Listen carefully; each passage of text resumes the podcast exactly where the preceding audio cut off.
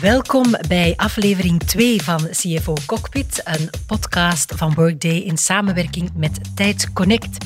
Ik ben Anne Luiten en Doreen Roes, de country manager van Workday, is hier ook. Dag Doreen. Hallo, dag Anne. Workday, voor degenen die de eerste aflevering gemist hebben, biedt eigenlijk een platform aan, een soort hulpmiddel voor onder andere finance experts, waar HR en finance elkaar vinden. En het is eigenlijk een technologische ondersteuning. En technologie, Doreen, daar gaan we het vandaag over hebben. De digitalisering die zet zich stevig door met voor, maar ook nadelen voor die CFO. Dat vindt ook de CFO van Bageraar Deme, Els Verbraken. We gaan eens luisteren.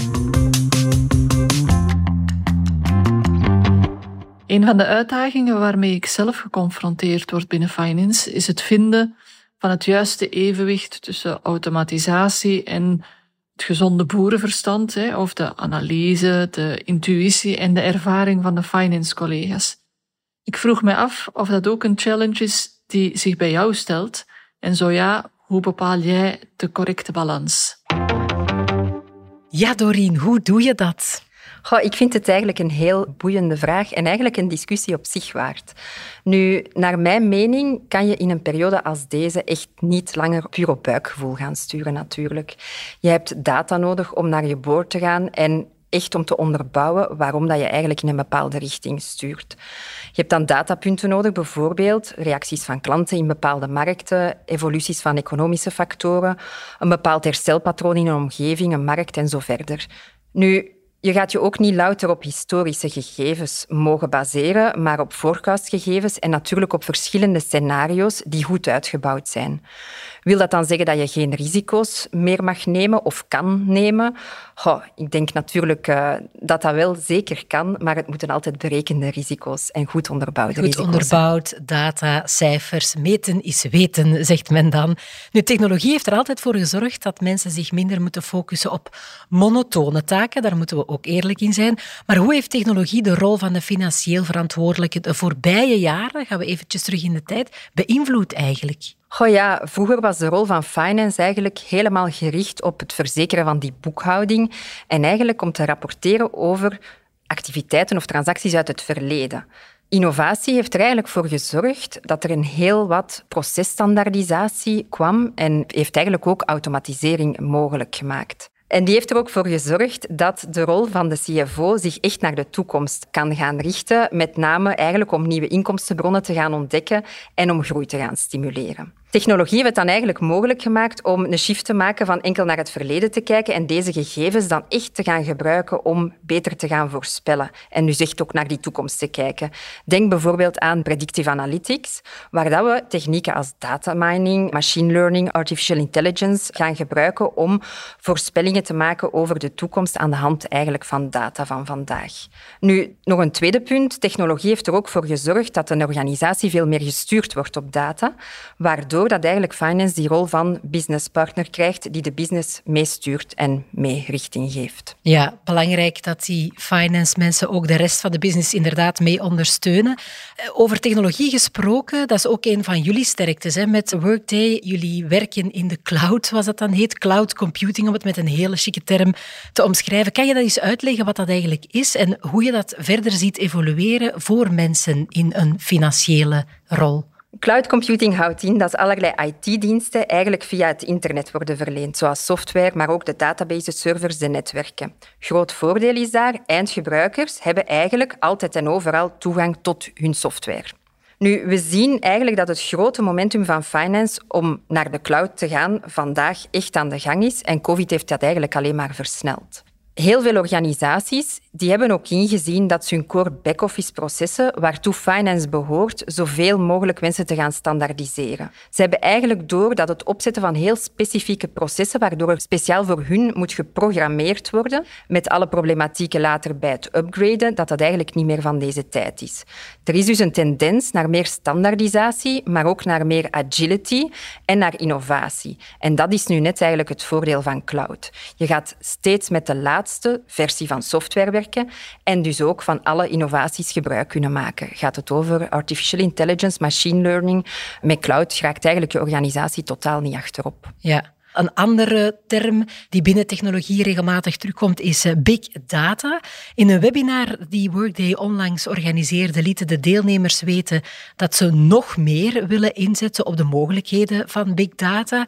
Maar laten we eens beginnen bij het begin en uh, die big data is omschrijven. Wat is dat eigenlijk en heeft elk bedrijf dat überhaupt? Goh, ja, big data, dat is eigenlijk dat een bedrijf heel veel soorten gegevens gaat opslaan eigenlijk. En dat kan gaan over klanten, producten en zo verder. Dat kan heel breed gaan.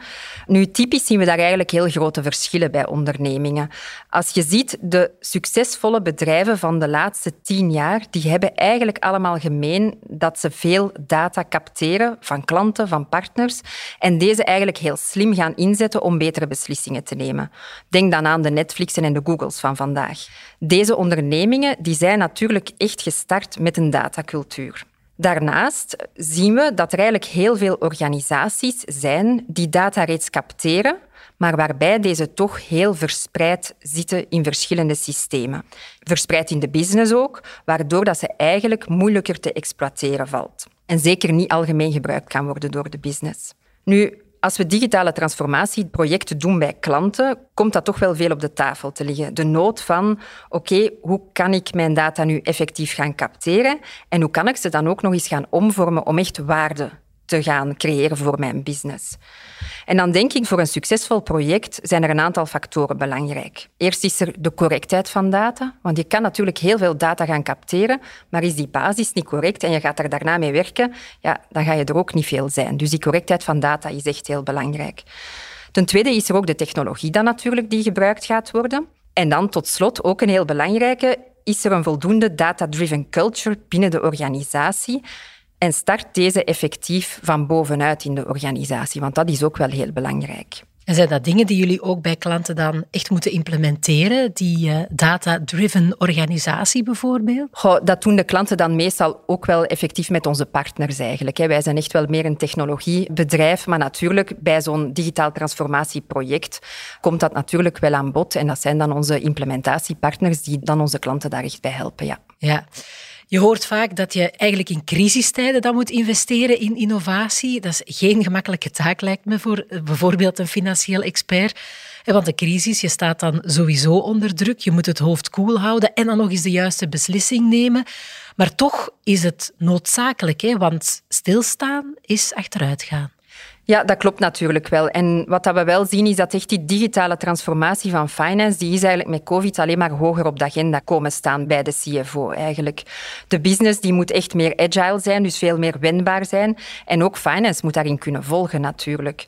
En de omgeving die we allemaal kennen, we hebben het in de vorige episode al over gehad, van een ERP-structuur waar allemaal applicaties rondhangen, ja, dat gaat die agility natuurlijk niet aansporen. En dat heeft ook een bepaalde kost. Um, ik denk dan bijvoorbeeld, je hebt gelimiteerde inzichten in real-time data om echt beslissingen te kunnen nemen. Ja, je hebt je kost en onderhoud natuurlijk van dure upgrades, maar je hebt ook de tijd, en dat is dikwijls niet zo zichtbaar, de tijd die jouw teams bezig zijn met het reconciliëren van allemaal gegevens en rapporten te gaan samenstellen en zo verder. Ja, dat is natuurlijk ook een kostenplaatje dat er dagelijks is.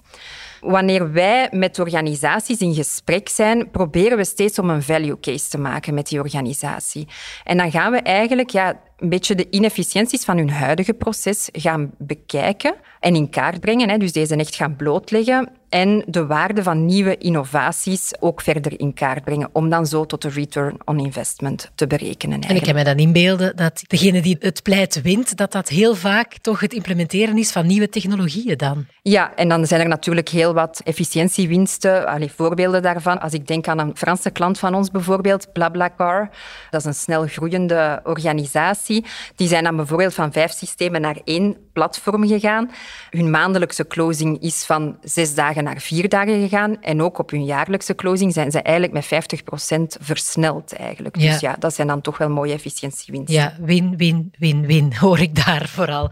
Uh, over winst gesproken, heb je zo nog een paar quick wins voor onze luisteraars, die ze bij wijze van spreken morgen als financieel expert in hun organisatie kunnen of zelfs misschien moeten implementeren? Misschien een aantal efficiëntieslagen. Ik zou zeggen van kijk misschien eens naar het proces van input van data in jouw organisatie en kijk of dat niet kan verbeteren. Want dikwijls op de headquarter gebeurt alles wel redelijk geautomatiseerd, maar als je dan naar de verschillende landen gaat kijken, ja, dan gebeurt er toch altijd nog wel heel veel manueel werk. En soms zijn er kleine efficiëntieslagen dat je kan doen om toch zo'n processen wel beter te gaan inrichten. Ja. Heb je zo nog een voorbeeld van een quick win? Ga misschien eens een kopje koffie drinken met jouw IT-collega's. Herkennen zij ook de uitdagingen waar finance met technologie tegenaan loopt, eh, van nieuwe updates, integraties en zo verder?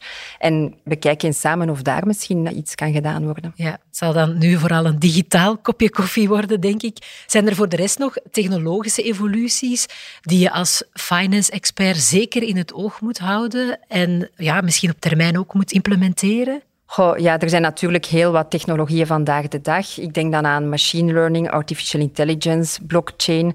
Daar zit zo'n sterke en snelle evolutie in dat die zeker in het oog moeten gehouden worden voor wat dat die nog verder kunnen brengen binnen finance. Ik hoor jou toch uh, heel veel aansturen op spring op de technologieterrein, mis hem niet, want dan dreig je als bedrijf achterop te hinken. Dat klopt. Ik kan alleen maar aanraden om die digitale transformatie van finance toch wel hoog op de agenda te zetten. Ja. Heel mooi om daarmee te eindigen, Doreen. Dank je wel.